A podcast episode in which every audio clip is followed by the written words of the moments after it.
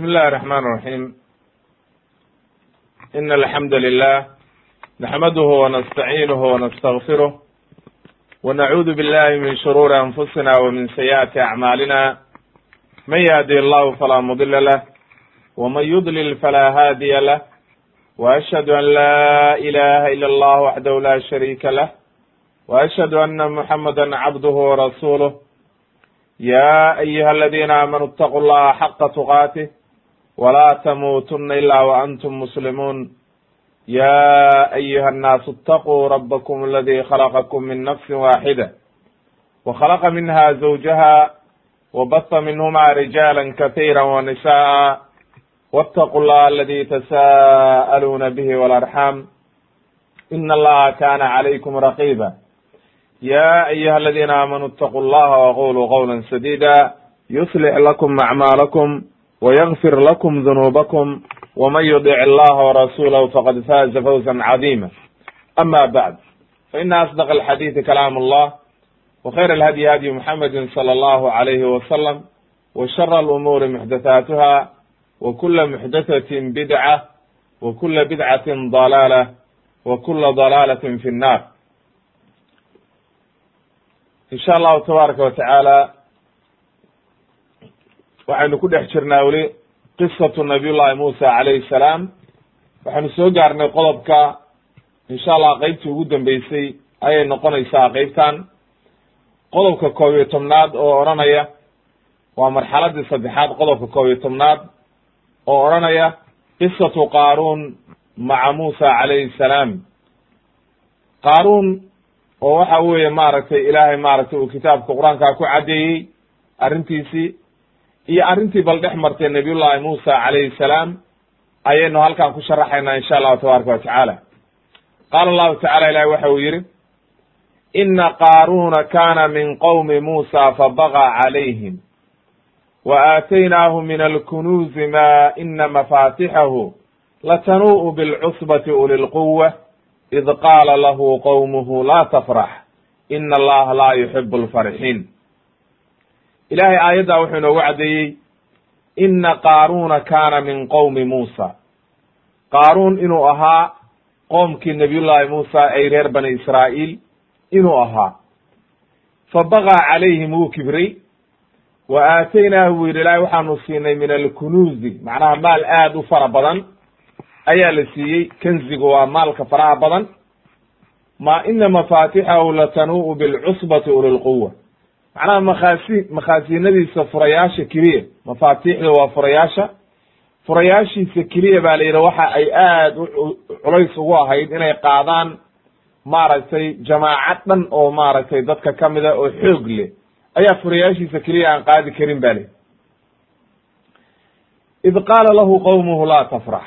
Dadkiisa ayaa waxay ku yidhahdeen war ha farxin. Ay macnaha kibir iyo farax yuu kuu geyni maalkan iyo xoolahan ina allaha laa yuxibu alfarixiin ilaahay ma jecla kuwa maaragtay faraxa kibirkaa la yimaada oo waxa weeye xoolihii ilaahay siiyey ku kibraan dhibaatada la yimaada.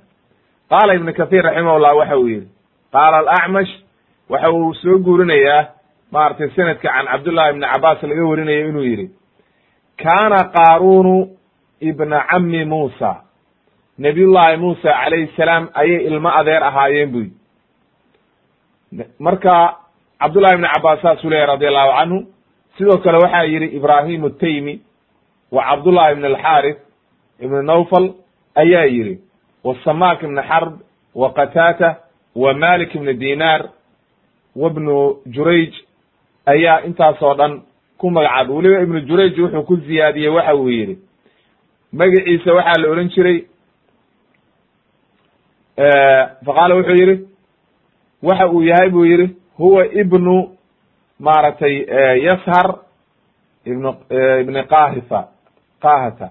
Muusa calayhi salaamna waxa weeye muusa ibni cimraan ibni qahata. Marka waxa uu leeyahay muuse aabihi iyo waxa weeye qaaruun aabihi ayaaba walaalo ahaa.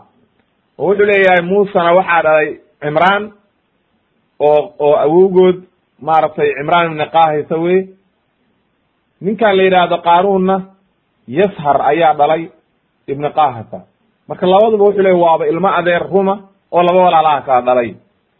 Sidaas ayuu maratay qaala ibnu jariij ibnu jariir waxa uu yihi radi allah raximahullah imam almufasiriin wa hada qowlu almufasiriin ahlulcilmi macnaha dadka ahlucilmigaa qowlkooda badan si u badan yihiin waa nooca.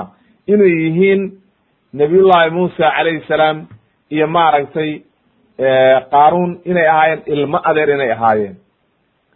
Qaar baa marka waxa uu yihi marka qowlkii ninka ohan jiray ibnu isxaaq ayaa waxa uu yihi maaragtay isaguna ma uu ahayn markaasaa waxaa radiyey ibnu ibnu jariir iyo oo waa radiyeen oo waxay idhahdeen ninkaani wuxuu ahaa nebiyullahi muusa in adeerkii ruma oo laba walaalaha kala dhalay sidaa daahirkaana ilaahay uu yidhi ina qaaruuna kaana min qowmi muusa marka ilmo adeerna waa noqon karaan isku family waa noqon karaan laakiin culimadu waxay leeyihiin ilmo adeer rumay ahayn laba walaalaha kala dhalay wallahu aclam.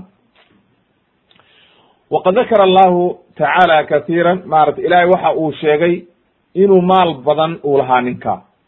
Ilaa iyo maalkiisii uu noqday furayaasha keliya maalka iska daaye furayaasha keliya furayaasha keliya inay jamaaca dhan ayna kor qaadi karin ayaa maaragtay caddaatay. Oo waxa weye furayaashiisiiba culayskii ka batay bakhaarada lagu xirxirayey ayaa aad iyo aad u fara badnaa.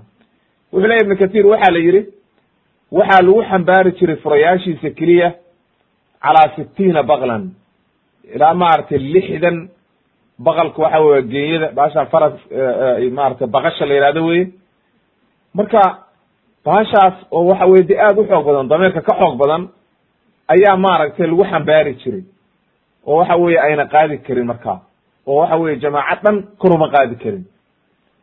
Waxaa waaniyey marka qoomkiisii wixii wax kala garanayey oo caqliga lahaa oo diinta garanayey ayaa waxay yidhahdeen oo reer bani israail ka mid ahaa laa tafrax. Ay macnaha farax ha la imaanin ku kibriya. Oo maaragtay kibir iyo ha la imaanin maaragtay wax maaragtay diinta ilaahay kaa saara. Leanna sababtu waxa weeye ma jecla ilaahay dadka farxa oo waxa weeye kibir la yimaada. Wixii ilaahay ku siiyey inaad ku faraxdid baa la rabaa laakiin inaad ku kibirta lama rabo. Oo aad kibir la timaadid waa arrin aad u khaldan ee waxa weeye kibirka jooji. Waxay yidhahdeen haddana markaa wabtagi raadi fi ma aataaka allahu daar alaakhira xoolahan ilaahay ku siiyey iyo wanaaggan ilaahay ku siiyey. Aakhire kaga faa'iidayso oo waxa weeye u shaqayso inaad waxa weeye jidkii ilaahay ku bixisid oo sawaabta ilaahay aad heshid taasaa kuu khayr badan oo aad khayr ku gaaraysaay. Haddana markaa walaa tansa nasiibaka min addunya. Adduunkana wixii aad uga baahan tahay oo waxa weeye mataacu dunya ah inaad maaragtay ka raaxaysatid inaad kaga tamatacdid wixii ilaahay ku siiye naftaada uga raaxaysid ha ilaawin wixii xalaala laakin kibirka iska ilaali wa axsin kama axsana allahu ilayk. Waxaadna u hagaajisaa ay macnaha wa axsin ilaa khalqi illah ummadda ilaahay hagaaji oo waxa weeye masaakiinta iyo dadka waxa weeye aan waxba haysan. Hagaaji. Sida ilaahay adigaba kuu hagaajiyey oo xoolaha kuu siiyey oo waxa weeye rabbigii subxaana qaadirka ayaa dadkaan abuurtay adigana ku abuurtay. Haddaba marka ilaahay hagaaji walaa tabgi lfasaada fi lardi dhulkana fasahaad ha ku samayn. Oo waxa weye xoolaha lagu siiyey fasahaadiyay ku gaarsiinin. In allaha laa yuxibu almufsidiin. Ilaahay ma jecla kuwa fasahaadka sameeya. Oo waxa weeye xumaanta samaynaya oo dhulka fasahaadinaya macaasi iyo kibir iyo dagaal iyo dhibaato ku samaynaya ilaahay ma jecla. Ee waxa weeye ilaahayga subxaana qaadirka ha ka cabso oo rabbiga subxaana qaadirkaa wuxuu raalli ka yahay samee. Muxuu ku jawaabay marka naseexada aad iyo aadka u wanaag badan oo waxa weeye tusinaysa inay yihiin dad gacala oo wanaaggii u soo jeediyey wuxuu ugu jawaaba wuxuu yidhi intuu u jawaabay ayay jawaabtiisii waxay noqotay inuu yidhaahdo qaala inamaa uutiituhu calaa cilmin cindii aniga xoolaha la isiiyey laiskama kaysiinin. Waxaa la ii siiyey sababta la ii siiyey xoolahan oo aan u qaatay waxa weeye ilaahayga subxaana qaadirka aha ayaa ogaaday inaan waxa weeye anigu xaq u leeyahay oo waxa weye aan waxaan xaq u leeyahay ayaa ilaahay ogaaday. Marka sidaa daraaddeed baa waxaan la ii siiyey ee hamoodinina xoolahan in la iska kaysiiyey. Marka caqli xumadiisa wixii ilaahay siiyey oo nicam ahaa markuu ilaahay u toobad keeni lahaa oo ilaahay ku shukri naqi lahaa oo odhan lahaa maaragtay ilaahay maaragtay ii ziyaadi oo ilaahay maaragtay wanaag iigu bedel ayuu wuxuu yidhi inamaa uutiitu calaa cilmin. Ee yacni waxa uu leeyahay ana laa axtaaju uma baahni inaad iwaanaysaan. Oo waxa weeye mana ida dhegaysanayo leanna sababtu waxa weeye cilmi baan ku helay waxaan ee aniga layskama kaysiinin waa waxaan shaqaystay anigu wey dadka badan baana maanta arkaysaa markii xoola ilaahay siiyo baa markaa waanis wuxuu kuleeyahay anaa shaqaystay maxaa iga rabtaa xoolahayga anigu sooma shaqaysan. War yaa ku waafajiyey waxaan ilaahay hadduunan ku siinin oo ku waafajinin oo waxa weeye kuu saalin xagee baad ka keenaysa marka wuxuu leeyahay ilaahay wuxuu igu siiye sababtaan anaa xaq u yeeshay oo ilaahay wuxuu ogaaday annii astaxiquhu inaan maaragtay xoolahan anigu xaq u leeyahay oo waxa weeye aan maaragtay xaq u leeyahay in lay siiyo oo cilmi baan leeyahay. Markaasaa ilaahaygi subxaana qaadirkaa ku radiyo waxa uu yidhi ilaahay awalam yaclam miyuunan ogeyn ana allaha qad ahlaka min qablihi min alquruuni man huwa ashaddu minhu quwatan wa aktaru jamca walaa yus'alu can dunuubihim almujrimuun miyuunan ogeyn ba la yidhi ounan ogaanin dad isaga ka horreeyey. Oo waxa weeye ka fara badan inaanu halaagnay oo baabi'inay oo waxa weeye kana xoolo badan kana awood badan ayaanu baabi'inay. Oo waxa weeye eber laga dhigay haddaba marka maxay taraysaa isaga xoolihiisu? Macnaha waxaanu halaagnay ummado ka horreeyey oo dunuubtoodii iyo waxa weeye kibirkoodii markay sida qaaruun u kibrey oo kale u kibreen iyagana la baabi'iyey. Kana xool kana xoolo badnaa kana xoog badnaa wax walbana waxa weeye haystay. Sidaa daraaddeed marka ayaa waxa weeye lagu inkiro waxa la yidhi inuunan arrintaa ogeyn. Ee maxay maalkiisu tarayaa hadda haddii la halaago?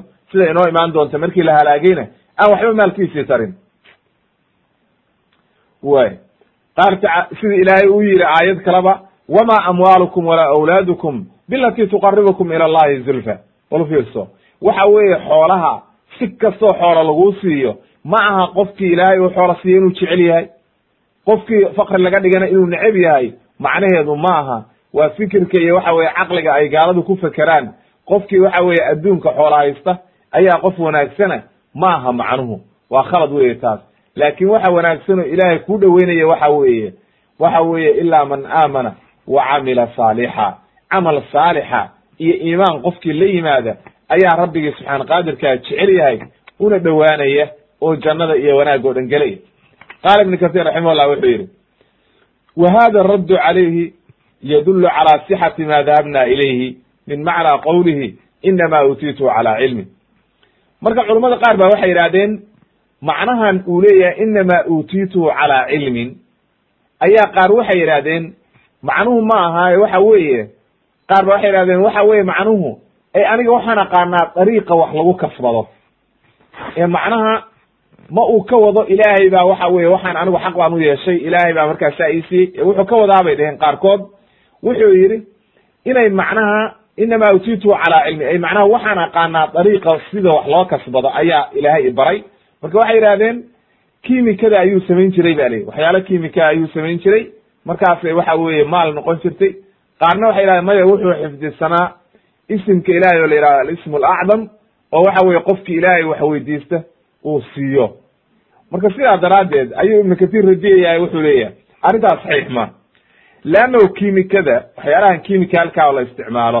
Dee berigii fircoon hadda iyo qaaruun iyo xilligan hadda kimikada la gaaray oo waxa weye wax laga sameeyo berigaa ma jirin. Oo waxa weeye waxaan jirin bay ahayd.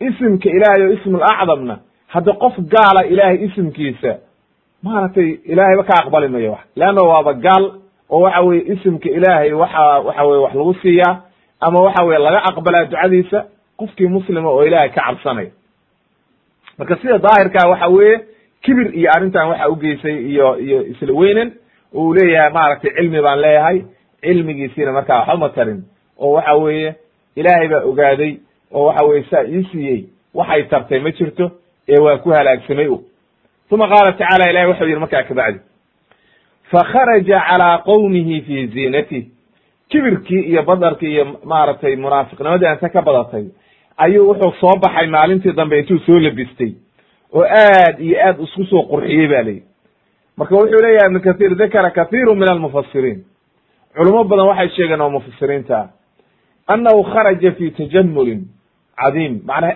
aad buu u soo labistay si aad u qurux badan ayuu u soo labistay dhar qurux badan kaba qurux badan waxa weeye maraakibtii wixii uu fuushanaa fara fardihii iyo oo aad u qurux badan.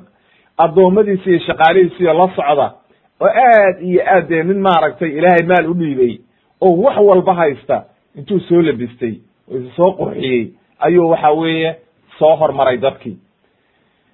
Falama ra'aahu man yucadimu zahrat alxayaati addunya markay arkeen dadkii ay la weyneed naftooda adduunyadu oo ducafada ahaa oo waxa weye adduunyada jeclaa ayaa waxay tamaniyeen oo yidhahdeen allah haddaanu heli lahayn waxaa la siiyey maaragtay qaaruun oo kale oo aad iyo aad bay arrinta u jeclaysteen. Markaasay hadleen oo waxay yidhahdeen sida kama qaala tacaala qaala aladina yuriiduuna alxayaata addunya ya layta lana mitla ma uutiya qaaruun inahu laduu xadin cadiim. Waxay yidhahdeen hooggeega haddiina la siiyo waa kuwii adduunyada un aan cilmi lahayn oo juhala ah oo iska caama oo doonaya keliya adduunyadu la weyntahay waxay yidhahdeen haddii nala siiyo hooggeege macnaha haddii nala siin lahaa xoolahaa la siiyey maaragtay qaaruun oo kale. Saas oo kale aan u raaxaysan lahayn. Marka halkan waa tuu nebiga calayhi salaatu wasalaam lahaa adduunyadu afar qof wey nin maa la siiyey laba wanaag bay ku helaysaa nin maa la siiyey iyo waxa weeye wanaag oo jidkii ilaahay ku bixinaya oo dariiqi ilaahay ku toosinaya iyo waxa weeye nin kahanaya oo oo oo doonaya oo jecel inuu waxaasoo kala helo oo leh ilaahayow haddaa waxaa isiisid anigana sidaasoo kale aan wanaag ugu samaynaya. Iyo labadaasiba jannay ku gelayaan oo ajar iyo wanaag bay ka helayaan xoolihii.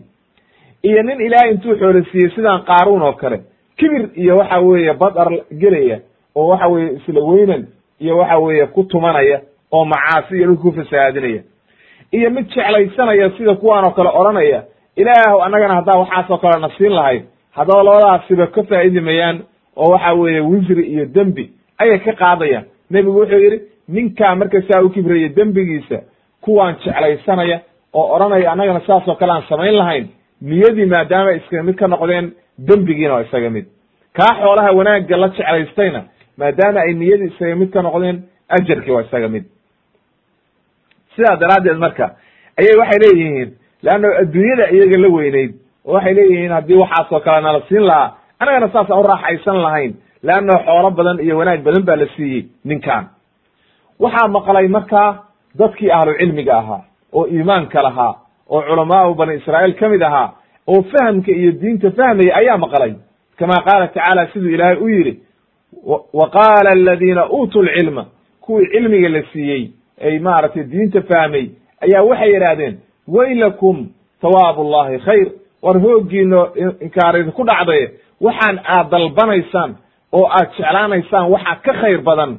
Thawaabta ilaahay agtiisa taal oo wanaagga ilaahay agti yaal ayaa ka khayr badan. Oo yuu u khayr badan yahay. Liman aamana wa camila saalixa. Qofkii iimaan la yimid camal saalixana la yimid kaasaa u khayr badan.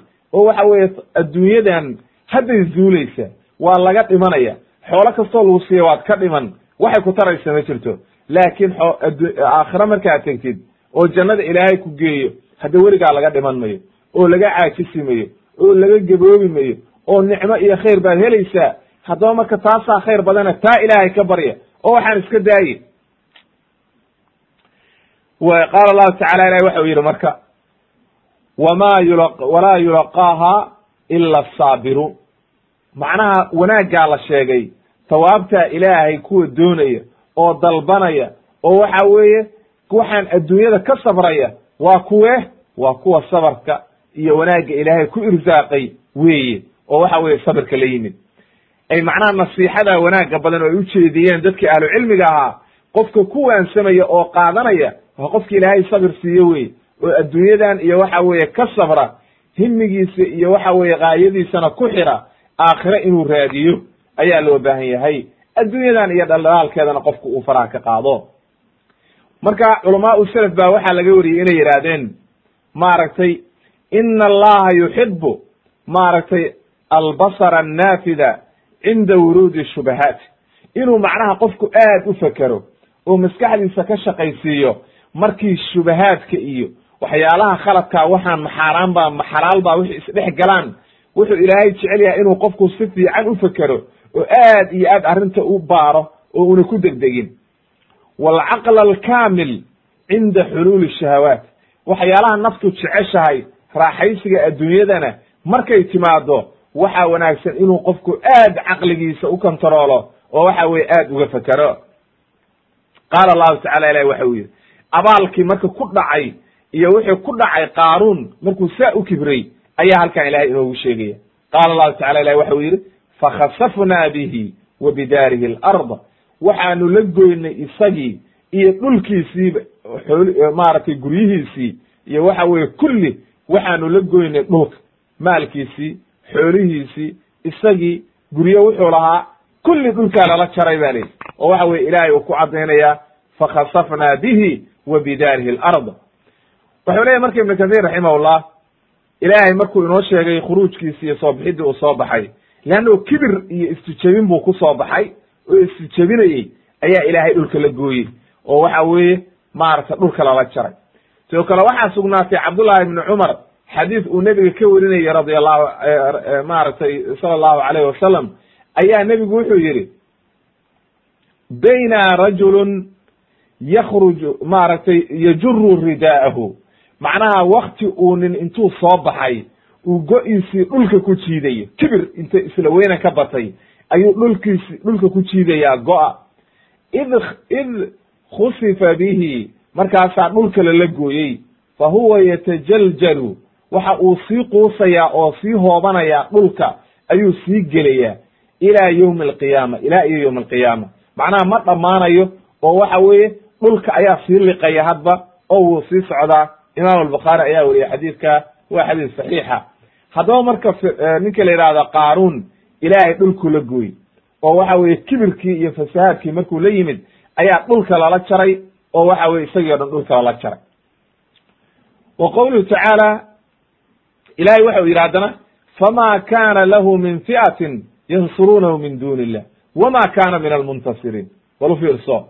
Fama kana lahu min fi'atin ay macnaha lam yakun lahu naasirun cid u gargaartay ma jirin wax u gargaaray isaguna naftiisii uma gargaarin oo isma difaacin. Cid kalena ma difaacin waa la halaagay marka. Marka fama kana lahu waa tu aayad kale ilahay ku lahaa fama ka fama lahu min quwati walaa naasir. Qofku haddii ilaahay uu damco inuu halaago waxa weeye cid celin karta ma jirto. Leanno dhulkaa la amraya waxa leeyahay dhulkii baa la yidhi liq. Hal mar baa la yidhi dhulkaa lala jaro. Dhulkii baa amar la siiyey. Xagee buu ku soconayaa marka haddii dhulka lala gooyey ay walamaa xalla bihi maa xalla min alkhasbi.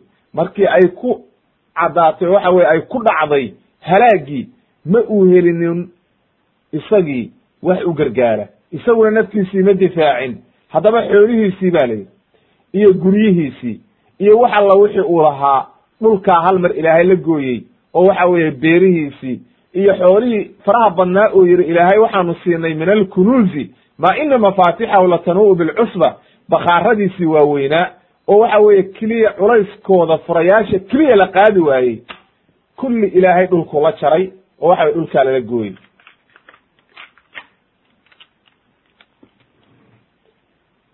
Mana uu helin markaa wax waxa weeye difaaca.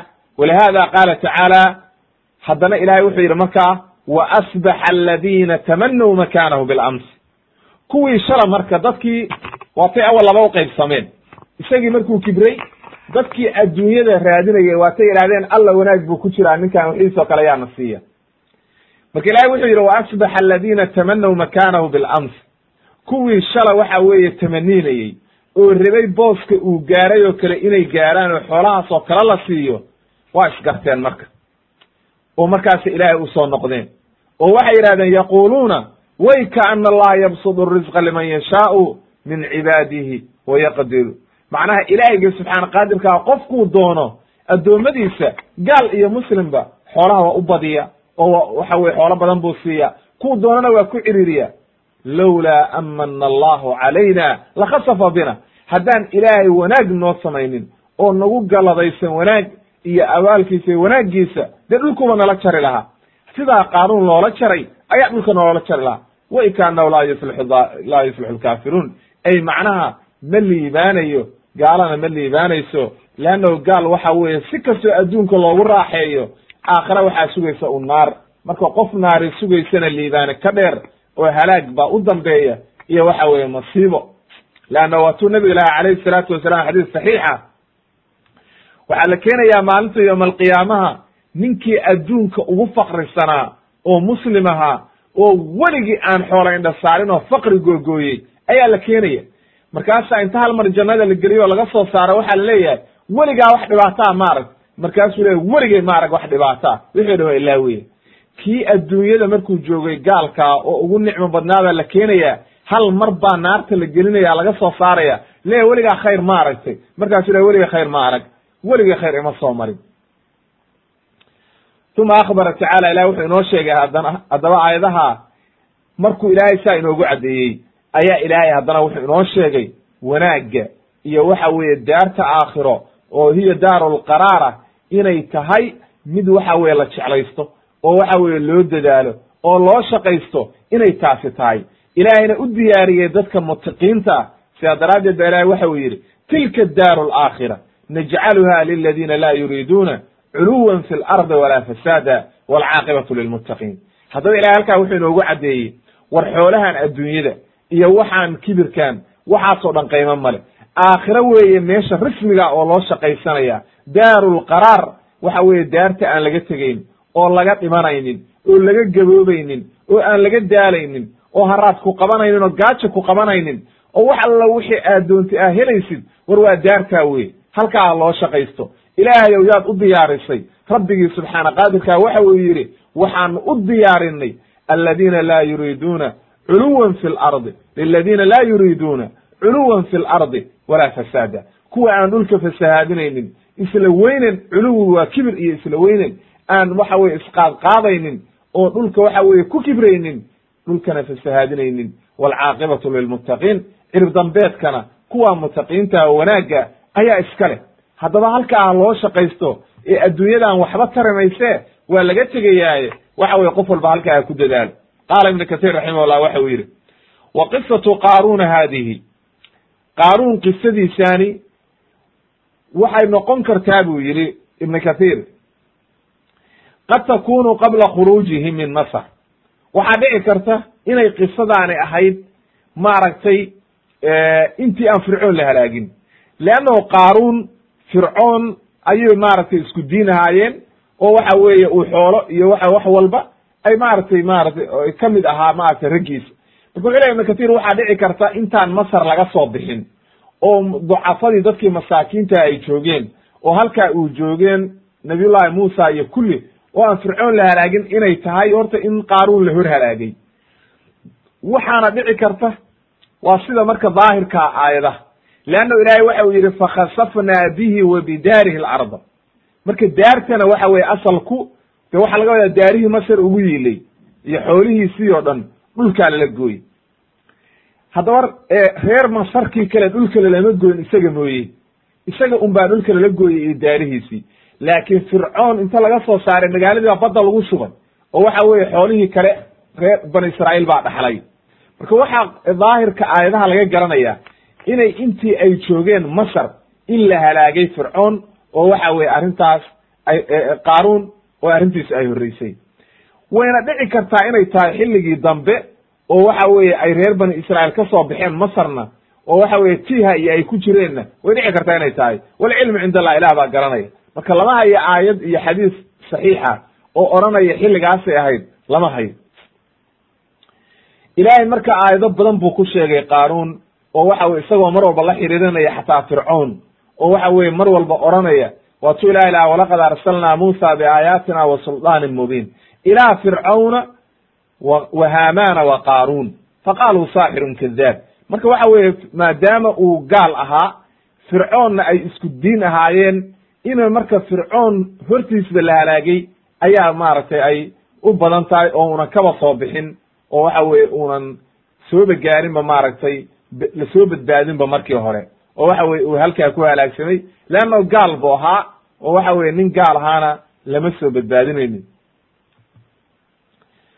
Marka sidaas ilaahay uu yidhi fakhasafnaa bihi wa bidaarihi lard aayad kalena waatuu ilaahay ku lahaa maaragtay fi suurati alcankabut wa qaaruuna wa fircawna wa haamaan. Walaqad jaahu muusa bilbayinaati fastakbaruu fi lardi wama kanuu saabiqiin. Fircoon qaaruun iyo fircoon iyo haamaanba nabiyullahi muusa baa u yimid waana beeniyeen ilahay marka wuxuu yidhi fakulan akhadna bidenbihi mid walba waxaanu ku qabanay dembigiisii fa minhum man arsalnaa calayhi xaasiba. Mid aanu u dirnay baa jiray oo waxa weye maaragtay la halaagay. Wa minhum man khasa man akhadathu sayxa. Mid waxaa ka mid ahaa ay qabsatay qaylo. Wa minhum man khasafna bihi alarda. Marka wuxuu leeyahay ibn kathir raximahullah kan halkan lag laga sheegay aayaddan oo khasafna bihi alarda waa qaaruun wey kan ughriqa la halaagayna waa fircoon iyo haamaan iyo ciidamadiisii. Marka wuxuu leeyahay ibn kathir halkaa ku caddaynaya fircoon in horta markii horeba isaga la halaagay oo waxa weye dhulka lala gooyey walcilmu cinda allah ilah baa garanay haddaba halkaa waxay nooga caddaatay marka qodobka qaaruun inuu ahaa reer bani israa'iil ee uunan ahayn qibdi kana mid ahaa maaragtay sida culimmadu u badan yihiin uuna ahaana nabiyullahi muusa maaragtay ay ilma adeer haayeen halkaana lagu halaagay kibir iyo maaragtay isla weynana ay u geeyeen qodobka labiyo tobnaad aan u soo gudbayna waxa weeye dikru fadaa'ili muusa calayhi salaam. Fadaa'ishiisa iyo shamaa'ilkii nabiyullahi muusa iyo wanaagiisa ayaynu halkaan qeyb ka taabanaynaa oo waxa weye arrintoo dhan waa gebagebo qisatu muusa. Qaala allahu tacala ilahi waxa uu yidhi wadkur fi lkitaabi muusa inahu kana mukhlasan wa kana rasuula nabiya macnaha ilaahay wuxuu ku ammaanay inuu diinta u khaalis yeeli jiray oo waxa weye khaalis oo waxa weye di maaragtay ulaha uu ahaa mukhlis. Qofka haddii ilaahay ku tilmaamo inuu mukhlis ahaana hadda waa derajo aad u sarraysa oo waxa weye aan la gaari karin wey aad iyo aad u fiican. Marka fadaa'ishiisay ka mid tahay aayad kale ilahi wuxuu ku yidhi ya muusa ini istafaytuka cala annaasi birisaalaati wa bikalaami macnaha halkaana waxay inooga caddaatay inuu ilaahay doortay kalaamkiisii u doortay risaaladiisii u doortay rabbigii subxaana qaadirka uu sharaf iyo maqaam sare aad uu gaarsiiyey. Waxaa inoo soo hormartay xadiidka aynu nidhi laa uu nebigu yidhi laa tufadilunii calaa muusa. Ha iga fadilina nabiyullaahi muusa leannahu dadka markay suuxaan anaa ugu soo horkacaya kabacdina waxaan arkayaa nabiyullaahi muusa oo iga soo horkacay oo taagan oo waxa weeye ku dhegan maaragtay tiirarka carshiga ma garanayo marka ma iga soo horreeyey mise waxa weeye isaga waxaaba loo xisaabay maba suuxin miya marka fadaa'ishiisa ayay ka mid tahay ee waxa weye waa in aad iyo aad loo qadariyo wey oo waxa weye waa ten awal soo sharaxnay. Aayad kale ilahi wuxuu ku yidhi wa rusulan qad qasasnaahum calayka min qablu wa rusulan lam naqsushum calayk wa kallama allahu muusa takliima waxa weeye nebiga kalaamka ilaahay u gaar yeelay oo rabbigii subxaana qaadirka uu caddeeyey inuu si toosa ula hadlay waa nebi muuse calayhi salaatu wassalaam haddaba ilaahay baa kalaamkiisii u doortay oo waxa weye sharaftaa gaarsiiyey iyo maqaamkaa sare. Waa in marka aad iyo aad loo ogaado wey oo waxa weye nabiyullahi muusa fadaa'ishiisu aad bay u badan tahay. Wa qaala tacala ilahay aayad kale wuxuu ku yidhi yaa ayuha aladiina aamanuu laa takunuu kaladiina aadow muusa ha noqonina baa la yidhi kuwii nebiyullahi muusa dhibay oo kale. Ay macnaha nebi maxamed ha dhibinina. Oo sidii nebiyullahi muusa ay reer bani israa'iil u dhibeen ha u dhibinina. Fabara'ahu allahu mima qaaluu. Ilaahay baa ka beri yeelay wixii ay yidhaahdeen oo ay ku sheegeen wa kaana cinda allahi wajiha ilahay agtiisana sharaf buu ku lahaa iyo waxa weeye jaah iyo sharaf ayuu ilaahay agtiina ku lahaa nebiyullahi muusa.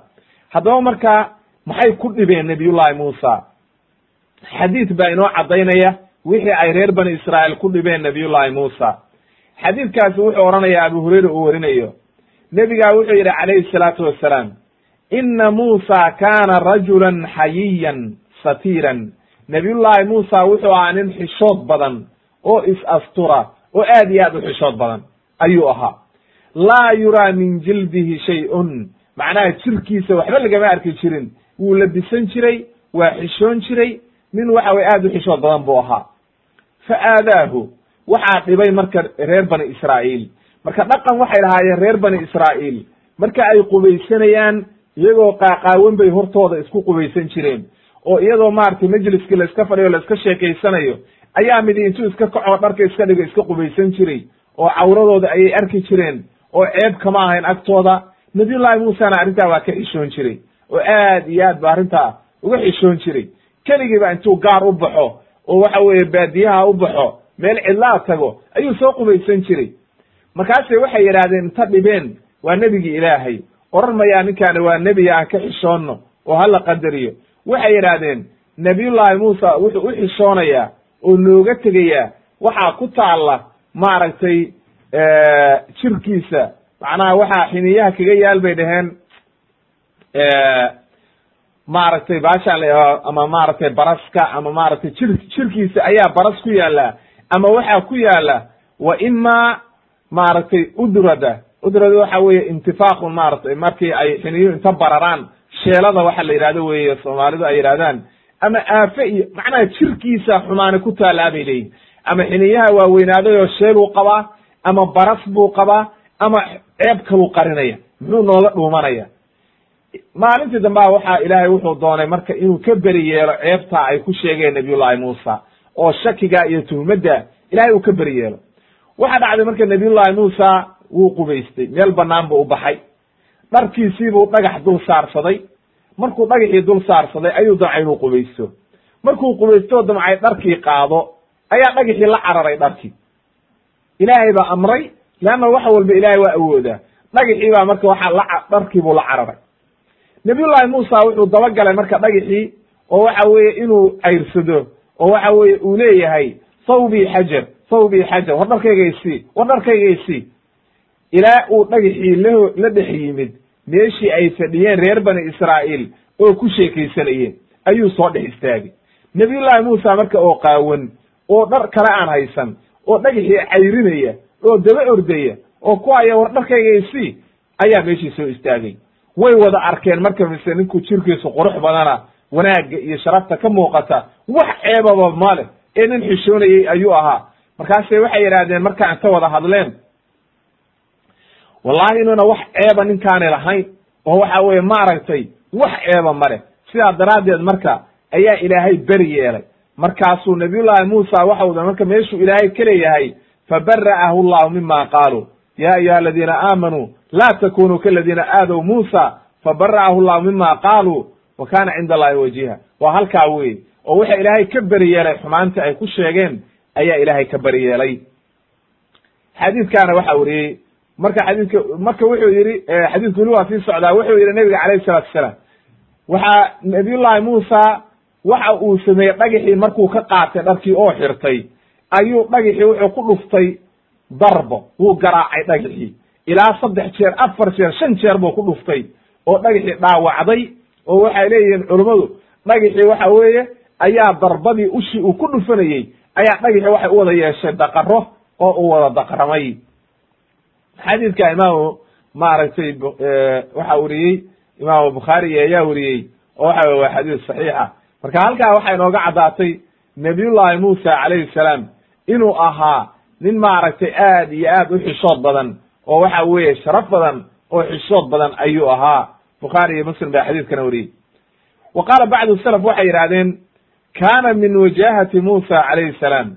Macnaha jaaha ilaahay uu agtiisa ku lahaa wa kaana cinda allahi wajiha waxaa kutusaysa nebiyullaahi muusa intuu shafaaco qaaday oo ilaahay uu beriyey ayaa walaalkii looga dhigay nebi. Lama hayo nebi kale oo qof intuu dalbaday nebi looga dhigay ilaa nebiyullaahi muusa mooye marka arrintaasi waxay kutusaysaa sharafta iyo wanaagga nebiyullaahi muusa uu lahaa. Waxaa kaloo sugnaatay xadiidkii cabdullahi ibn mascuud uu wariyey nebiga calayhi salaatu wasalaam baa waxa uu qeybiyey xoolo. Maalintii xunayn bay ahayd ba la yidhi. Markaasuu waxa weeye nimankii mu'alafat alquluub oo qurayshta ahaa ayuu xoolo badan siiyey. Markay arkeen baa marka nin munaafiq ah wuxuu yidhi waa kii khawaarijtu ay ka soo farcantay. Ayuu waxa uu yidhi wallahi qaybtaani ma aha qayb ilaahay darti loola jeedo nebigii buu dhibayaa oo wuxuu leeyahay nebigu khiyaanuu samaynayaa buu leeyahay oo tolka iyo qaraabadiisu wax siinayaa ee daacad ma. Markaasuu cabdullahi ibn mascuud intuu naxay buu nebigu u sheegay. Markaasaa nebigu wuxuu yidhi yarxamu allahu muusa ilaahay nabiyullahi muusa ha u naxariisto. Qad uudiya waa la dhibay biakthara min hada fa sabara. Macnaha wuu sabray inta aad loo dhibay.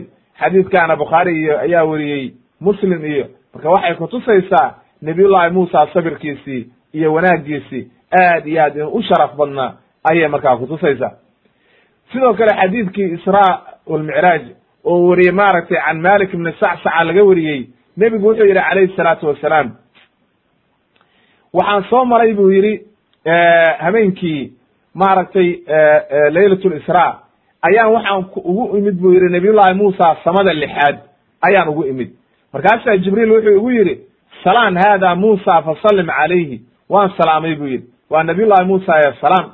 Markaasuu wuxuu igu yidhi buu yidhi marxaban binnabiy asaalix walakhi asaalix soo dhowow walaalkay maaragtay wanaagsano nebi saalixa oo walaalkay wanaagsan baa tahay.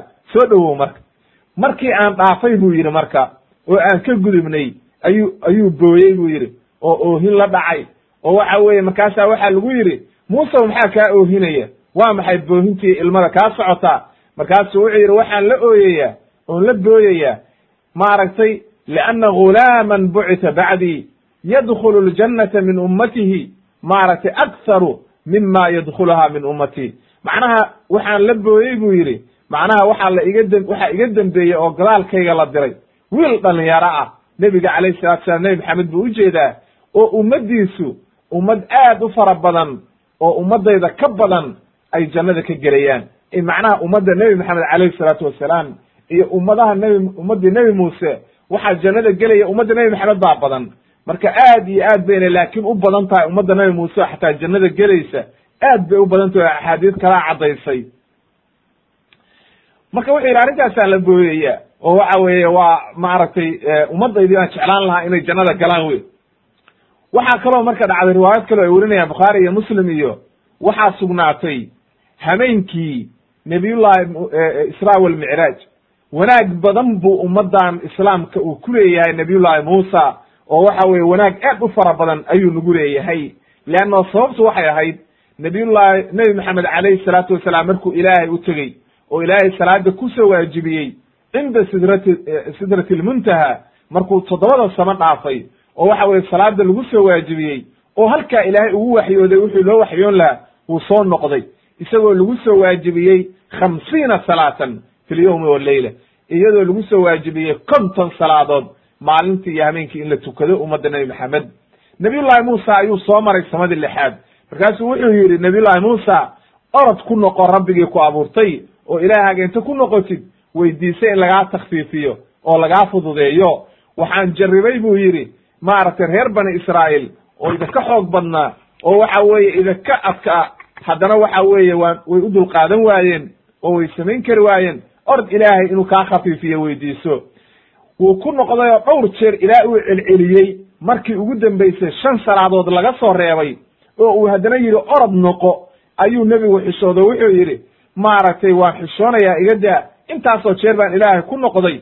Markaasaa ilaahay waxa uu yidhi waxa weeye waa khamsu salawaatin wa ajruhaa khamsuun wa hiya khamsuun. Ay macnaha ajarka iyo laalaabka la laalaabayo ayaa waxay tahay kontonkiiba udhiganta innagoo marka maalin walba konton salaadood tukanayna ayay la mid tahay.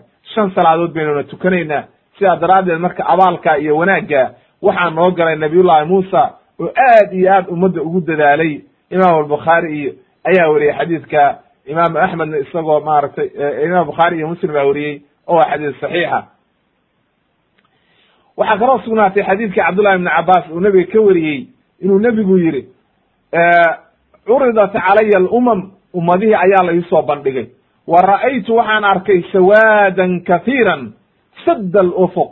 Macnaha waxaan arkay buu yidhi madow aad u fara badan oo dad fara badan oo jannada soo gelaya oo halkaa waxa weeye ummaddii marka la iisoo bandhigay. Markaasaan ummaddayda u mareyey markaasaa waxaa laygu yidhi haada maaragtay muusa wa qowmuhu maaragtay haada muusa fii qowmihi macnaha arrintaasi waxa weeye dadkaa faraha badan nabiyullahi muusa iyo qoomkiisii wey marka waxa weye jannada marka la gelayo oo aakhire la yimaado waxa weeye nabiyullahi muusa calayhi salaam qoomkii rumeeyey aad bay u fara badnaayeen. Dad badan baa rumeeyey oo raacay wey imaam albukhaari ayaa weriyey isagoo mukhtasara wuxuuna ku weriyey imaam axmedna isagoo mudawal oo dheer buu weriyey xadiidka waqad dakara allahu tacaala muusa calayhi salaam fi lqur'aani kathiiran aayado aad u fara badan buu ilaahay ku sheegay wuuna ammaanay waxa weeye qisadiisuna kitaabka qur'aanka aad bay ugu badan tahay oo ilaahay ugu soo celceliyey maadaama maaragtay ay reer bani israa'iil iyo ummaddaani isku dhowaayeen aad baa ilaahay ugu soo celceliyey oo la inooga sheekeeyey si aynu ugu taamilo qaadanno wuxuuna ilaahay mar walba xiriiriyaa kitaabka qur'aanka iyo waxa weeye maaragtay tawraad ayuu ilaahay mar walba aad u xiriiriyey. Waatuu ilahay lahaa aayadda qur'aanka walama jaa'ahum rasuulu min cindi illahi musadiqun lima macahum ay maaragtay tawraad weeye macnaha reer bani israa'iil markuu u yimid nebi ilaahay uu soo diray oo rumaysan diintii nebi muuse oo waxa weeye aan maaragtay ayay markaa diideen oo waxa weye ay kitaabki ilaahay inta daaqada ka tuureen tuureen wey. Aayad kale waatuu ilahay ku lahaa fi suurati ali cimraan nazla calayka alkitaaba bilxaqi musadiqan lima bayna yadayhi wa anzla atawrata walinjiil min qablu hudan linnaas marka waxa weye nabiyullahi muusa calayhi salaam iyo diintiisii tawraad ilaahay kitaabka qur'aanka aad buu ugu bediyey ilaa uu maaragtay ilaahay ka yidhi markuu meelo badan kaga hadlay huma aataynaa muusa alkitaaba tamaaman cala aladi axsana wa tafsiila likuli shayin wa hudan wa raxma lacalahum biliqaa'i rabbihim yu'minuun. Marka waxa weye ilahay wuxuu ku sheegay tawraad markii la siiyey inuu ilahay u dhamaystiray oo sidii ugu wanaagsanayd loo tafsiiliyey wax walba wanaaga hanuun ku sugnaa raxmad iyo naxariis wax walba. Calaa kulli xaal marka waxa weeye khulaasadu waxa weeye nabiyullahi muusa calayhi salaam ilaahaygi subxaana qaadirka waxa uu siiyey shareeco iyo diin aad u fiican. Tawraad baa la siiyey gacantiisa ilaahay ugu qoray arrin aad u wanaagsan bay ahayd reer bani israa'iil ayaana maaragtay kabacdi ku cayaaray oo bedelay oo waxa weeye maaragtay in badanna waa rumeeyeen oo ummaddii nabiyullahi muusa waxaa ka mid ahaa ummad aad u fara badan wa min qowmi muusa ummatun maaragtay ummad aad u fara badan oo waxa weeye yahduuna ila alxaqi xaqa ilaahay raacaya ayaa ka mid ahaa oo waxa weeye wa bihi yacdiluun maaragtay cadaalad samaynaya oo wanaag la imaanaya. Culamo badan baa ka mid ahayd waxa weeye boqoraa ka mid ahaa maaragtay umaro wanaagsan baa ka mid ahayd. Wax walba wanaaga ayaa ka mid ahaa. Laakiin markii dambe oo diintii ay diideen oo nebi maxamed ay ku gaaloobeen ayay dad xun noqdeen oo waxa weye ay halaagsameen wey waxaynu u soo gudbaynaa marka qodobka saddex iyo tobnaad oo odhanaya xajkii nabiyullahi muusa uu xajiyey iyo wixii ku sugnaaday. Waxaa sugnaatay nebiga calayhi salaatu wasalaam inuu yidhi cabdullahi ibni cabaas xadiidkiisii nebigu wuxuu soo maray mara biwaadi lazraq waadiga la yidhahdo azraq ayuu xajatu wadac markii la soo socday soo maray meesha iyadoo la xajiyayo markaasuu wuxuu yidhi ayu waadin haada? Waadigaani waa kee. Markaasu waxay yidhahen waa waadi lazraq markaasu wuxuu yidhi kaanii anduru waxaad imoodaa inaan eegayo nabiyullahi muusa ilaa muusa calayhi salaam. Haabitan halkaa ka hoobanaya min athaniyati walahu juwaarun ila allahi bitalbiya macnaha isagoo ku dhawaaqaya jawaarku waa rafcu sawt. Isaga oo ku dhawaaqaya nabiyullahi muusa talbiyadii oo xajiyaya ayaad moodaa inaan u jeedo oo halkaa waxa weye ilaahay itusay imaamu muslim ayaa wariyey iyo ibnu maaja ayaa xadiidkaa wariyey. Haddaba nabiyullahi muusa waa soo xajiyey oo halkaa waxaa inooga caddaatay inuu nabiyullahi muusa soo xajiyey oo xajkii uu yimid oo beytka ilaahay uu yimid ayaa xadiidkaasina inoo caddeeyey waxaynu u soo gudbaynaa qodobka afariyo tobnaad oo odhanaya. Sifatu muusa calayhi salaam. Tilmaanta bal seebuu u ekaa nabiyullahi muusa. Habkii u ekaa ayaynu wax ka soo qaadanayna. Xadiidka cabdullahi ibni cabaas waxaa ku sugnaatay nebigu inuu yidhi ama ibrahim fanduruu ilaa saaxibikum. Nabiyullahi nebiyada markuu ka sheekeeyey nebi nebiga calayhi salaatu wasalaam wuxuu yidhi ama nebi ibrahim ay macnaha nebi maxamed buu u ekaa aniga eega weeye haddii aad rabtaan nebi ibrahim suu u ekaa inay ogaataan macnaha nebi maxamed aad buu ugu ekaa ba nebi ibrahim aad bay isugu ekaayeen. Wa ama muusa nabiyullahi muusa. Macalshaahidkeennu waa halkan wa ama muusa buu yidhi fa rajulun jacadu shacri calaa jamali axmar makhduumun. Maaragtay waxa uu leeyahay xadiidkan nebigu leeyahay jacdu shacri. Macnaha jacdigu waxa weye waa qofka timaha aan aad u jilicsanayn timaha adagna lahayn oo meel dhexaadka oo timihiisu maaragtay ay xoogaa ay maaragtay qira leeyihiin marka uu maaragtay wuxuu saaraa buu yidhi aan ku arkay maaragtay jemel waa ratiga wey maaragtay gaduudan oo waxa weye markaa ayaan ku arkay buy makhduumun. Ay macnaha sanka uu kaga xiran yahay oo markii maaragtay sanka iyo laga xiro weye xoolaha oo hoggaanka lagu xiro. Maaragtay uu ku xiran yahay bikhulbatin macnaha waa liiska wey waxyaalaha xarigga iyo maaragtay lagu xidho wey wuxuu yidhi kaanii anduru ilayhi waxaad moodaa inaan eegayo waqad inxadara fi lwaadi yuladdi isagoo xajkii u soo dhaadhacay oo halkaa ka soo dhaadhacay. Marka halkaa waxaynu ka garanay inuuna maaragtay nin aad u timo jirecsan ahayn nin waxa weeye timo adagna ahayn ee meel dhexdhexaad timihiisu ahaayeen. Awal buuna inoo soo maray xadiidka. Xadiid kale nebigu wuxuu ku yidhi calayhi salaatu wasalaam ra'aytu waxaan arkay buu yidhi laylatu usriya. Habeenkii la dheelmiye waxaan arkay buu yidhi muusa ibni cimraan ayaan arkay buu yidhi. Rajulan aadam macnaha tuwaalan jacdan kaanahu min rijaali shanuu'a. Waxaad mood waxaan arkay buu yidhi isagoo oo nin aadama aadamka waxa weeye waa midabka maariinka. Oo aad u casayn gaduudnayn madoobeyn oo maariinka oo waxa weye ay carabta iyo dadka reer bani israa'iil iyo u badnaayeen. Wuxuu yidhi oo jacdan xoog leh. Macnaha nin xoog leh oo dheer duwaalan xoog leh oo dheer oo waxa weye jacdan aad u xoog badan ayuu ahaa buu yidhi. Waxaad moodaa buu yidhi oo weekaa min rijaali shanuu'a. Shanuu'a marka nimankaani waxay culimmadu leeyihiin habkaa ayay culummo u eg yihiin ba la yidhi oo waa niman maaragtay aad iyo aad u dheer dheer waa qabiil ka mid ah qabiiladii waxa weeye carabta oo waxa weye halkaas qabiil ka mida wey wuxuu yidhi marka halkaa waxay nooga caddaatay marka nebiga calayhi salaatu wasalaam inuu inoo caddeeyey inay maaragtay dadkaasi ay nebiga a nebi muuse calayhi salaatu wasalaam inuu maaragtay u ekaa nimanka oo waxa weeye habkaa inuu u ekaa ayaa inooga caddaatay halkaa. Marka tilmaantiisa guud waxa weeye nin aad u dheerna waale nin dheer oo waxa weeye maaragtay xoog badan aan madoobeynna maariinna ah. Aan aadna u casayn ayuu ahaa ba la yidhi timo meel dhexaadana leh. Ayay maaragtay axaadiistu inoo caddaynaysaa inuu nooca ahaa wallahu aclam. Qodobka shan iyo tobnaad waxa weeye waxa uu keenayaa oo aynu odhanaynaa dikru wafaatihi calayhi salaam. Nabiyullaahi muusa iyo dhimashadiisii iyo waxa weeye aakhirkii gebagabada oo waxa weye ugu dambaysa qisadiisii. Nabiyullaahi muusa ayaynu halkaan dhimashadiisii ku sheegayna.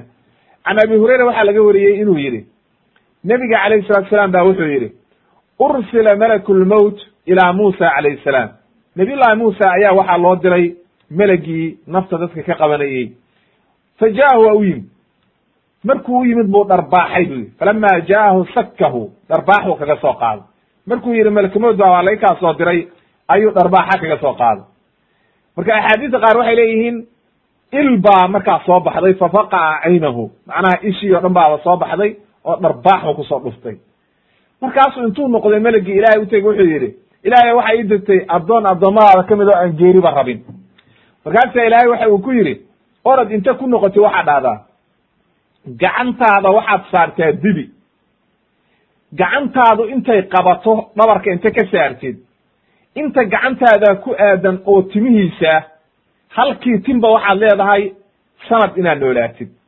Marka meeqa tin bay gacantii ku aadamaysaa kumaan kun de dhowr kun oo tin baa laga yaabaa inay gacantii ay taabato. Kabacdi markaa ord intaa u sheeg ba la yidhi haddaad nolosha rabti inaad noolaatid dibigaa timihiisa intii aad gacanta saartid ayaad noolaanaysa. Markaasuu u yimid oo u sheegay markaasuu wuxuu yidhi yaa rabbi buu yidhi uma maada haddaan intaa noolaado kabacdi maxaa dhacaya markaasaa qaala waxa ui uma almowt waa dhimanaysaa markaasuu yidhi alana ya rab falana ya rabbi. Hadda ayaan marka dhimanaya. Haddaan rabaa inaan dhinta marka. Leanno kollay haddaanan noolaanaynin oo mar walba dhimanayo oo geeridii ayna marnaba iga tegaynin maxaa intaa noolaasha i taraysa? Haddaan boqol sano boqol kun oo sano noolaado oon kollay dhimanayo haddaba aan iska dhinta marka. Markaas ayaa waxa weeye uu geeridii u timid oo dhintay laakiin ilaahay buu mid ka beryey wuxuu yidhi ilaahayo waxaad ii dhoweysaa ardulmuqadasa tiihii baa lagu jira oo weli baytulmaqdis lama gelin oo waxa waa xilligii tiihii. Markaasaa wuxuu yidhi ilaahayo waxaad ii dhoweysaa maaragtay ardulmuqadasa ii dhowe oo waxa weeye bal almino ramyata xajar. Intii dhagax la tuuro oo kale intuu ku dhaco bal halkaa hala ii dhoweeyey markaasaa loo dhoweeyey oo waxa weye sidii buu ku dhintay. Qaala abu hurayra wuxuu yidhi qaala rasuulu llahi sala allahu alayh wasalam falaw kuntu buu yidhi hama haddaan meeshaa ahaan lahaa la uriikum waan ida tusi lahaa ilaa maaragtay qabrigiisii ilaa janibi dariiq. Waddada dhinaceeda ayuu ku yaalaa buu yidhi cinda alkatiif alaxmar macnaha meesha buuran oo gaduudan. Macnaha waa waddada loo maro baytulmaqdis markii loo socdo halkaa ayuu ku xabaalan yaha ba layidhi. Marka isagu maga baytulmaqdis kuma xabaala laakiin waddo tagta oo loo sii maro eriyadii ay tiha ku jireen halkaa ayuu ku xabaalan yahay ba la yidhi nabiyullahi muusa calayhi salaam imam albukhaari iyo muslim ayaa wariyay xadiidka. Qaala ibnu katir wuxuu yidhi raximahullah waqad zacma buu yidhi macnaha waxay sheegteen buu yidhi qaarkood oo macnaha ay sheegeen ana muusa calayhi salaam kharaja min atih waxa uu ka baxay macnaha reer banu israa'iil baa sheekadaa keenay laakiin waxba kama jiraan. Wuxuu yidhi macnaha waxay leeyihiin tihi waa ka baxay muusa oo waxa weeye markii afartankii sano ma u dhimane afartankii sano isagaa u dhamaatay baytulmaqdisna waa galay ayay leeyihiin. Arrintaasi marka qaarka yiri buu yidhi arrintaa waxay khilaafsan tahay xataa kitaabkooda ahlu kitaabka wixi ay ku qoreen iyo jamhuur lmuslimiin marka sida saxiixa waxa weeye nebiga calayhi salaatu wasalaam sidaa u caddeeyey maaragtay nabiyullahi muusa waxa uu dhintay oo ku dhintay xilligii maaragtay tiha ayuu dhintay ba la yidhi. Afartankii sano ayuu dhintay ayaa maaragtay la caddeeyey sidaa isaguba uu leeyahay ilaahu ii dhowe baytulmaqdis ramyata xajar. Marka maadaama uu leeyahay ilaahu ii dhowey baytulmaqdis de halkaa waxaa ka cad marka inuuna gelin oo waxa weye una baytulmaqdis gaarin ayaa halkaa ka cad. Marka ma uu gelin oo waatay maaragtay dagaalkii iyo jihaadkii ay ka baqeen reer bani israa'iil.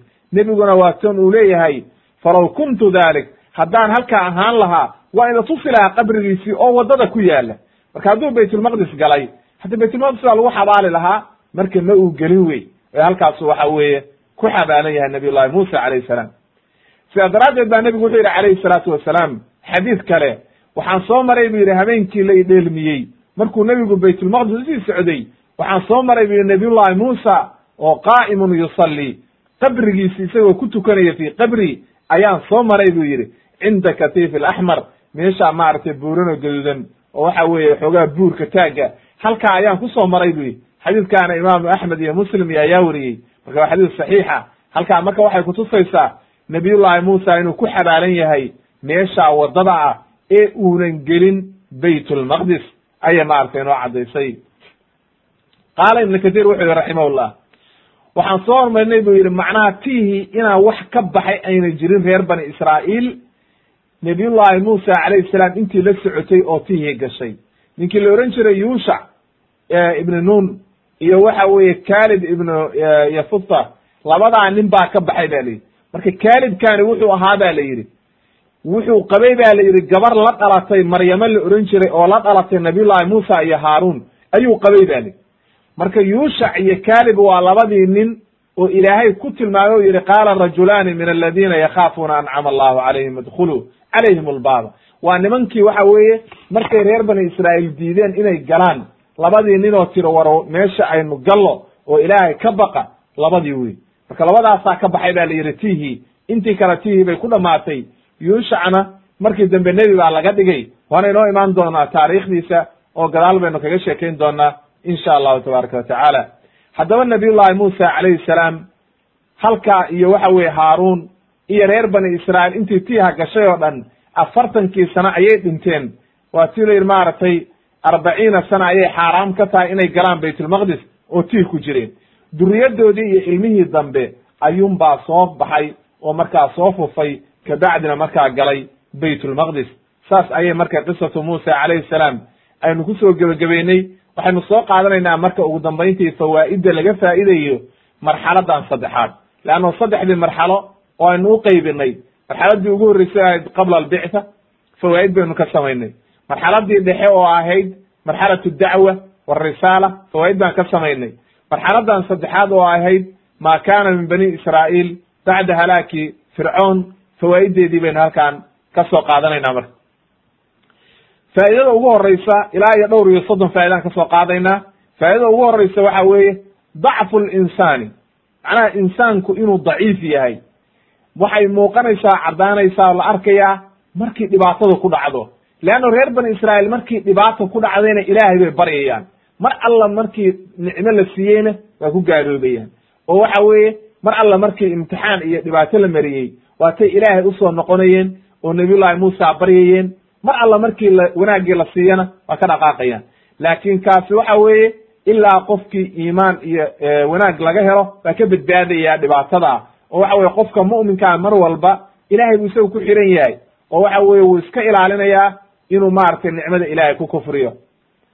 Midda labaad waxaynu ka qaadanaynaa sabab alcadaabi fi dunya waalaakhira altakdiibu biaayaati illah bicadami aliimaani walcamali biha. Cadaabka waxa lagu kasbada waxa weeye waa in aayadaha ilaahay la beeniyo oo diinta ilaahay laga leexdo cadaab bay qof ka dhaxal siisaa ha la iska ilaaliyo marka oo qofku ha ku digtoonaado aad iyo aad ha ugu dadaalo inuu mar walba waxa weeye uu raacayo dariiqa xaqa kitaabka ilaahay iyo sunnaha uuna beenin diinta ilaahay sida reer bani israa'iil ku dhacday.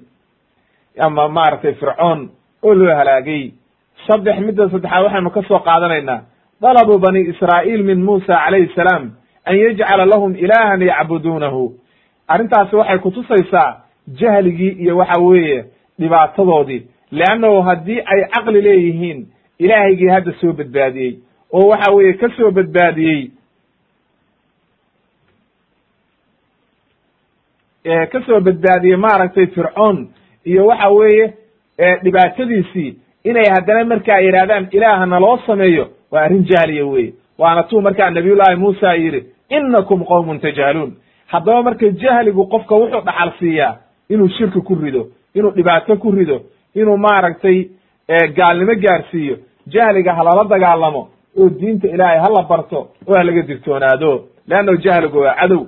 Midda saddex afraad waxaynu ka qaadanaynaa in ay wanaagsan tahay in qofka la xusuusiyo nicamka ilaahay u galay oo waxa weeye wanaagga ilaahay u galay ayaamaha ilaahay iyo waxa weeye ummaddii la halaagay ama wanaagga ilaahay adiga kuu galay in lagu xusuusiyo si aad ilaahay uga cabsatid oo aad u toobad keentid marka midda shanaad waxaynu ka soo qaadanaynaa almuxaafadatu cala almawaaciid haddaad ballan geshid ballantii waa inaad ka soo baxdaa oo waxa weeye dadka mu'miniinta oo wanaagsan dhaqankooda waxaa lagu yaqaanaa qofku inuunan ka bixin ballantii uu galay. Taad ilaahay la gashay oo waxa weeye tawxiid iyo caqiide ahayd oo ahayd alastu birabbikum qaaluu bala.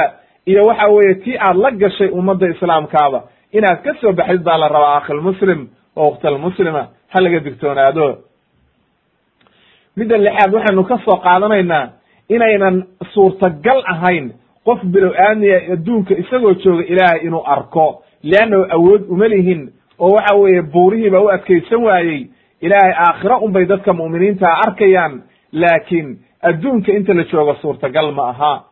Oo waa caqiide waxa weeye ahlusunna waljamaaca qofku inuunan marnaba niyadiisa gelin adduunka intuu joogo ilaahay inuu arko suurtagal ma aha oo ilaahay waa ka xarimay dadka. Midda toddobaad waxaynu ka soo qaadanaynaa budlaanu kula camalin maaragtay lam yasluk fiihi saaxibuhu sabiila rushdi. Waxa weeye camal kasta oo aadan u marin dariiqii xaqa ahaa oo aadan diinta islaamka kaga dayanin aw waxyigii ilaahay iyo sunnihii nebiga aadan ku raacin camalkaagaasi wuxuu noqonayaa camal baatila. Leannahu waxaa la rabaa camalka markaad samaynaysid camalka aan ka hadlayno waa camalka ilaahay kuu dhoweynaya altaqarubu ila allah ee ma aha adduunyada iyo waxa weeye shaqa ad shaqaysanaysid marka wixii ilaahay loogu dhowaado camal kasta oo ilaahay loogu dhowaado waxaa la rabaa inaad nebi maxamed kaga dayanaysa calayhi salaatu wasalaam. Haddii kale waad baadiyoobaysaa leanna waa tuu ilaahay aayadda qur'aankaa ku lahaa wain yarow sabiila rushdi laa yatakhiduuhu sabiila wain yarow sabiila algayi yatakhiduuhu sabiila. Dadka xun oo khaldan baa arrintaa lagu ogaadaa inay waxa weeye sifaadkooda tahay dariiqa xun inay raacaan dariiqa wanaagsanna ka leexdaan walciyaadu billah midda sideedaad waxaan ka soo qaadanaynaa ida araada allahu bicabdihi khayran haddii ilaahay uu addoonka khayr la maago alhamahu bitawba toobadda ayuu ilaahay maaragtay waafajiyaa. Inuu maaragtay bacda almacsiya markuu macsi gala kabacdi ilaahay toobaduu waafajiyaa. Hadduu khayr darra la maagana toobaddaa laga xanibaa markaasuu halaagsamaa qofkii. Haddaba waxaa halkaa inooga caddaatay markii aad kharad geshid toobadda u degdeg akhilmuslim okhtalmuslima oo waxa weye aad iyo aad uga digtoonow macaasida in la joogteeyo aad bay u xun tahay. Midda sagaalaad waxaynu ka soo qaadanaynaa alghadabu min dabaaci albashar. Macnaha carada inuu qofku caroodo waa wax bilow aamnigoo dhan ku abuuran. Ma aha wax la isku ceebeeyo laakiin waxaa loo baahan yahay in laga soo noqdo. Waad u jeedaa nabiyullaahi muusa calayhi salaam oo min ululcazmiya oo sharaf leh ayaa xataa caroonaya marka qofka biniaadmiga waa caroon karaa laakiin lama rabo inuu caradii ku sii jiro oo waxa weye uu ku sii joogteeyo oo ku socdo ama dhibaato ay u geyso ama xumaan u geyso lama ogolo wey. Caradana la iska ilaaliyo aadaabteedana aadaab bay leedahay oo in laga digtoonaadaa la rabaa shaydaankana la iska naaro. Midda tobnaad waxaanu ka soo qaadanaynaa mashruuciyat alictidaari qofku inuu cududaaran karo qofku hadduu cududaartana laga aqbalayo leanna qofku waa bilow aadni waa khaldami karaa khalad waa dhici karaa. Marka qofku haddii uu cududaarto waa laga aqbalaya ee maaha in la leeyahay lagaa yeeli mayo. Ha walowba ha noqdo qof maaragtay ama shaykha ama qof wanaagsan ama madaxa. Noocu doonaba ha noqdee. Qofku hadduu cududaarto khalad waa geli karaa. Laakiin hadduu ka cududaarto o yidhahdo saasay arrintaa iga noqotay. Halay cafiyo ha la cafiyaya marka. Leanno nabiyullahi muusa calayhi salaam markii uu khadar la socday waa cududaartay markuu arrintiisii uu ku khaldamay marka waa qofka in loo cududaaro waa wanaagsan tahay. Midda koob iyo tobnaad waxaynu ka soo qaadanaynaa. Kulu suluki yunaafi fi sharci fa huwa min asafh almadmuum. Wax wal dariiq kasta oo la maro camal kasta oo la la sameeyo oo waxa weeye dariiqaad maraysid oo waxa weeye khilaafsan diinta islaamka qofkaa waxaa lagu tilmaamaya inuu safiih yahay haddaad mar diinta islaamka ka leexatid oo dariiqii ay diinta islaamku kuu jeexday aadan raacin safiih baa noqonaysaa. Marka sidaa daraaddeed waxaa loo baahan yahay si aadan safiih u noqon waxaan waxba kala garanaynin. Safiihu waa waxaan waxba kala garanaynin. Waa inaad ku dadaashaa inaad dariiqa xaqa martid wey midda koob iyo tobnaad waxaan ka soo qaadanaynaa alhidaayatu min allah maaragtay hidaayada iyo hanuunka ilaahigii subxaana qaadirka ayaa maaragtay gacantiisa ay ku jirtaa inuu qofku maaragtay hanuuninayo ilaah baa hanuuniya. Ku baadiyeynayana ilaah baa baadiyeeya leannahu waa tuu lahaa nabiyullahi muusa tudilu man tashaa wa tahdi man tashaa marka waxa weeye qofki ilaahay uu hanuun la maagana isagaa hanuuninaya. Inaka laa tahdi man axbabta walakin laa yahdi man yashaa qofki ilaahay uu xumaan la maagana iyo waxa weeye dhibaato iyo dalaalna ilaahay baa dhumiya. Wax walba waa biyad illah haddaba ilaahay ka bari marka hanuunka akhilmuslim oo waxa weeye rabbigii subxaana qaadirka ka bari ilahay baa laga baryaayo midda labi saddexiyo tobnaad waxa weeye bayaanu maaragtay inaynu ka faa'idnay fulaynimadii ay yahuud ay baqeen oo waxa weye iyagoo la socda nebigii ilaahay rasuulkii ilaahay oo fircoon laga soo badbaadiyey ayay qoom kale ka baqeen oo waxay yidhahdeen waa ka cabsanaynaa u geli mayno. Iyo geesinimadii saxaabada markay nebiga beder la socdeen iyagu waxay yidhaahdeen badda haddaa nala jidho waa kula jiiraynaa. Marka arrintaasna waxaa keenaya iimaanka iyo caziimada ayaa keenaysa. Midda afar iyo tobnaad waxaynu ka qaadanaynaa wujubu lbara'ati min ahli lfisqi dadka fis fusaaqda ah oo xumaanta samaynaya kuwa kuwa heesoo kale iyo riwaayadaha dhigaya oo waxa weye fusaaqda in beri laga noqonayo. Leannahu nabiyullahi muusa waxa weye ilaahay wuxuu ka beriyey waxa yidhi ilaahayow na kala saar aniga iyo dadkan faasiqiinta? Oo waxa weeye diintii ilaahay iyo caqiidadii ilaahay iyo jihaadkii diiday. Marka qofku hadduu faasiq yahay beri baa laga noqonaya macsidiisa iyo shirkigiisa inta loo caddeeyo oo looga digo ayaa laga beri noqonaya. Midda shan iyo tobnaad waxaynu ka qaadanaynaa maaragtay khatarta ay leedahay qofku inuu ka dhigto saaxiib lana tashado bidaanatu suu. Macnaha madaxdu markay samaysanayaan wasiire iyo maaragtay ragga ay la tashanayaan waa inay ku dadaalaan inay noqdaan dad wanaagsan. Leannahu haddii ay ninka madaxda ay la taliyaan dad xun halaag buu samaynaya ummadii buu dhibaya dhibaatuu gaaraya. Waatay lahaayeen fircoon iyo qoomkiisii fircoon qoomkiisii atadaru muusa wa qowmahu liyufsiduu fi lardi waxay ku boorinayeen inuu wax dilo inuu wax garaaco inuu dhibaato sameeyo. Ayay ku boorinayeen marka dad xun bay ahaayeen waxaa la rabaa dadku markay madaxda la talinayaan inay naseexiyo wanaag ula taliyaan iyo wanaaga inay ummadda ku dhibaan ma aha. Waxaynu kaloo ka qaadanaynaa tun toddobiyo tobnaad. Istixsaanu rafci macnawiyaati almu'miniin bidikri xusni alcaaqiba in dadka markii la waaninayo aakhiro la xusuusiyo oo wanaagga iyo waxa weye dadkii wanaagsanaa sida ulahaayeen maaragtay waladaaru alaakhiratu khayru liladiina aamanuu wa kanuu yattaquun macnaha dadka in la xusuusiyo aakhiro iyo thawaabta maaragtay thawaab ullahi khayrun liman aamana. Waxa weye marka waxaa loo baahan yahay qofka markii la waaninayo in aakhirada la xusuusiyo oo macnawiyaadkiisa iyo caqligiisa iyo kor loo qaado oo waxa weye uu xusuusto aakhiro ee adduunyadan keliya uuna ku mashquulin. Waxaynu kaloo ka qaadanaynaa tadayurku inuuna banaanayn oo waxa weeye ay xaaraam tahay inuu maaragtay tadayurku banaanayn oo waxa weeye uu khilaafsan yahay maaragtay diinta islaamka oo aan la ogolayn inaad wax baasaysatid. Leanno sababtaa u baasaysanaysid maxay tahay wax walba ilaahay baa haya oo waxa weye rabbigii subxaana qaadirkaa wixii uu kuu qadaray ku seegi mayaan. Marka waxba ha baasaysanin oo waxa weye sida reer bani israa'iil u baasaysteen nabiyullahi muusa iyo arrintaada laysaga ilaaliyo. Waxaynu ka qaadanaynaa tan sagaal iyo toban aljahlu jahliga sababu lkufri wey jahligu waa sabab keenaysa macaasida iyo kufriga iyo akhlaaqda xun jahliga halala dagaalamo jahligu aad buu cadow u yahay ha laga digtoonaado midda labaatanaad waxaynu ka qaadanaynaa inayna banaanayn oo ay xaaraam tahay inaad diinta islaamka ka hor timaadid oo waxa weye inta wax lagu amro inaad markaa caqligaaga iyo maskaxdaada aad la timaadid leanno reer bani israa'iil markii la yidhi qaata tawraad waxay yidhahdeen horta aanu aragno oo hanala tuso. Haddii ay tahay wax fududna waa qaadanaynaa. Hadday wax culus tahayna qaadan mayno lama ogola marka arrintaa. Qofka mu'minkaa waa inuu daa'iman noqdaa samicna wa adacna waxaynu kaloo ka qaadanaynaa midda koob iyo labaatan faa'idada alistithnaa wax walba markaad wax sheegtid saasaan samaynayaa insha allahu inaad tiraahid leannahu reer bani israa'iil markii hore saddexdii jeer markii bay yidhaahdeen maaragtay sacyi markii ugu dambeysay waxay yidhahdeen wa innaa insha allahu lamuhtaduun markaasaa ilaahay waafajiyey. Markii ugu dambeysay ayaa ilaahay waafajiyey.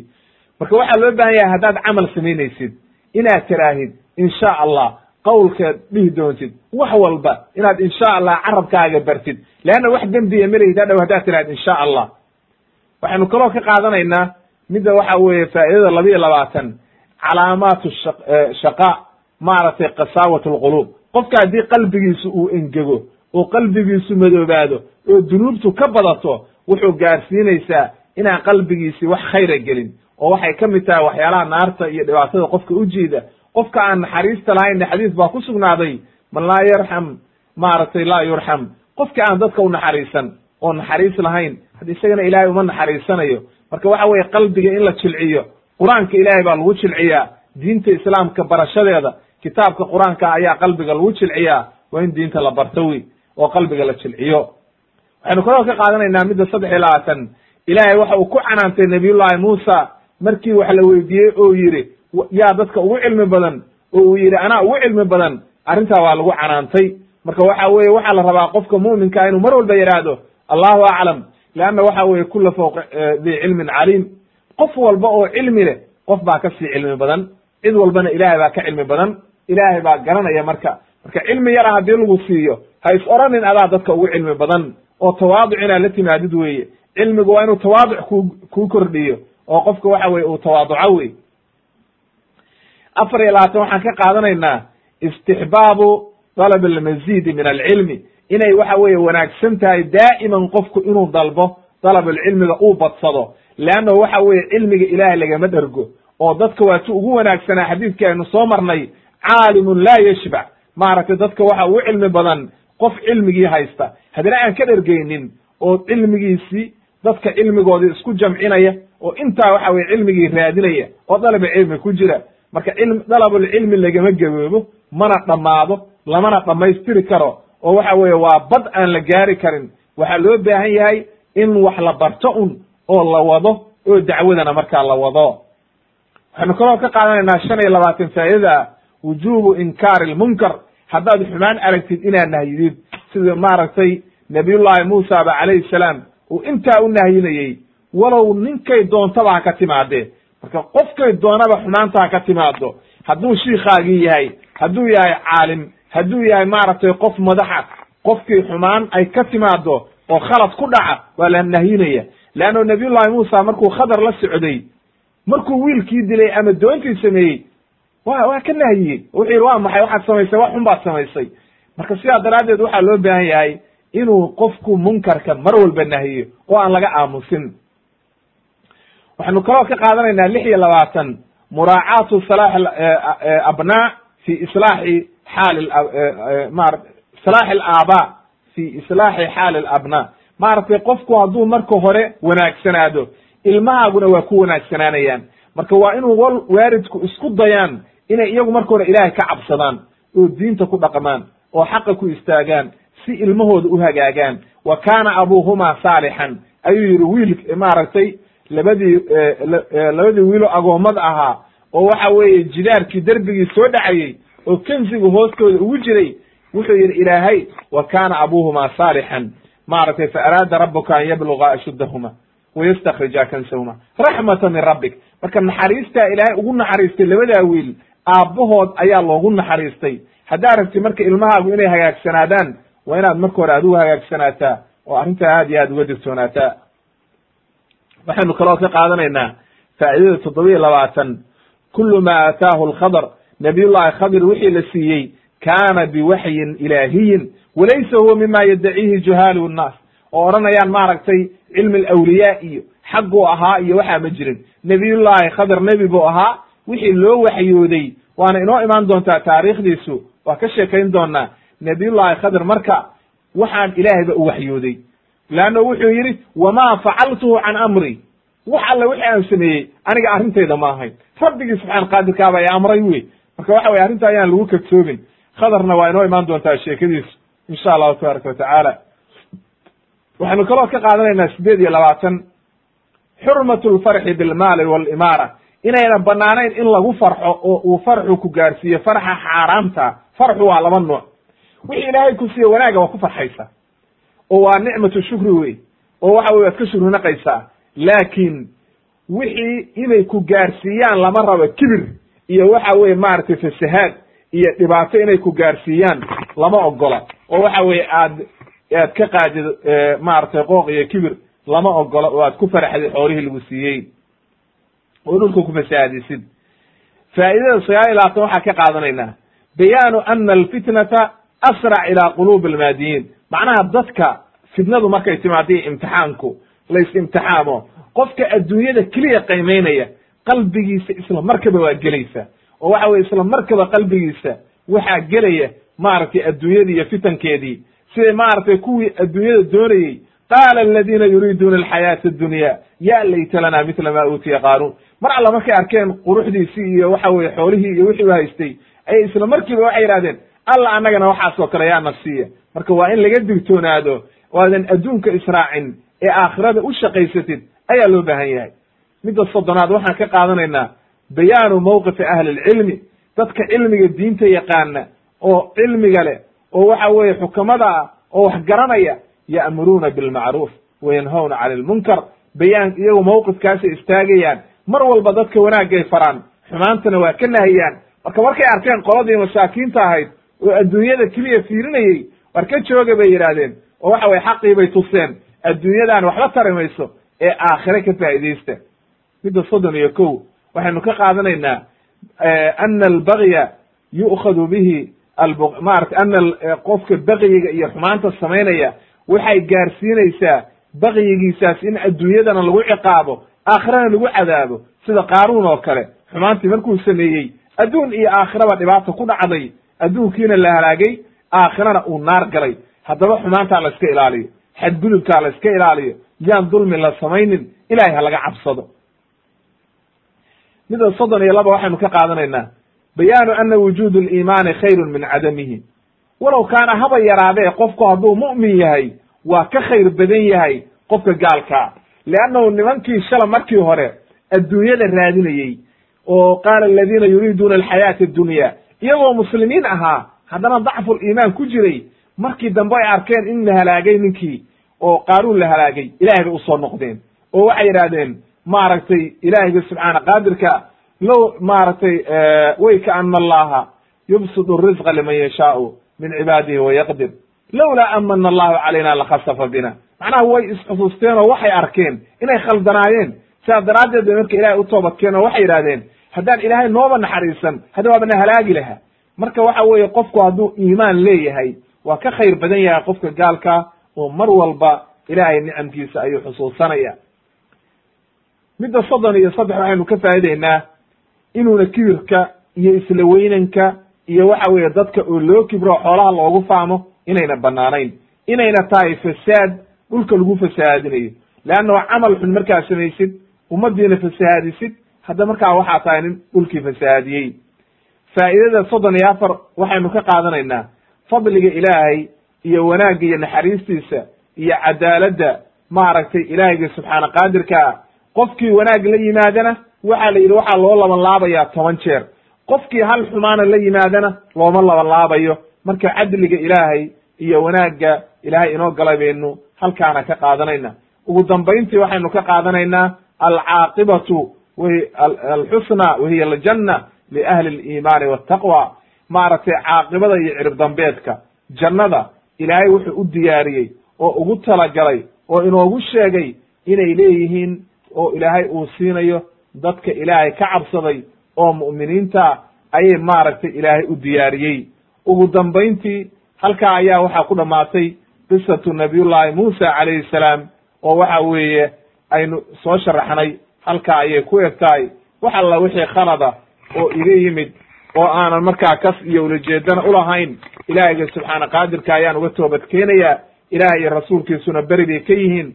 Wax alla wixii khala wixii saxana ilaahay baan ku maadinayaa oo rabbiga subxaana qaadirka ayaan ugu shukri naqayaa sida ilaahay u yidhi maaragtay lain shakartum laaziidanakum aniga oo ka dalbaya wanaag iyo ziyaado rabbigii subxaana qaadirka qof walba oo muslima oo waxa weye wax khalada ku arkana inuu iiga naseexeeyo iiga digo way u bannaan tahay oo waan rajaynayaa. Qof alla qofkii ka faa'idaysta oo wanaag ka helana ilaahayga subxaana qaadirka inuu ii baryo inuu maaragtay ilaahay cilmigana ii ziyaadiyo ilaahayga subxaana qaadirkaana ii naxariisto. Ayaan ilaahay uga baryayaa. Wasubxaanaka allahuma wabixamdika ashhadu an laa ilaha illa anta. Astakfiruka wa atuubu ilayk. Walxamdu lilahi rabi alcaalamiin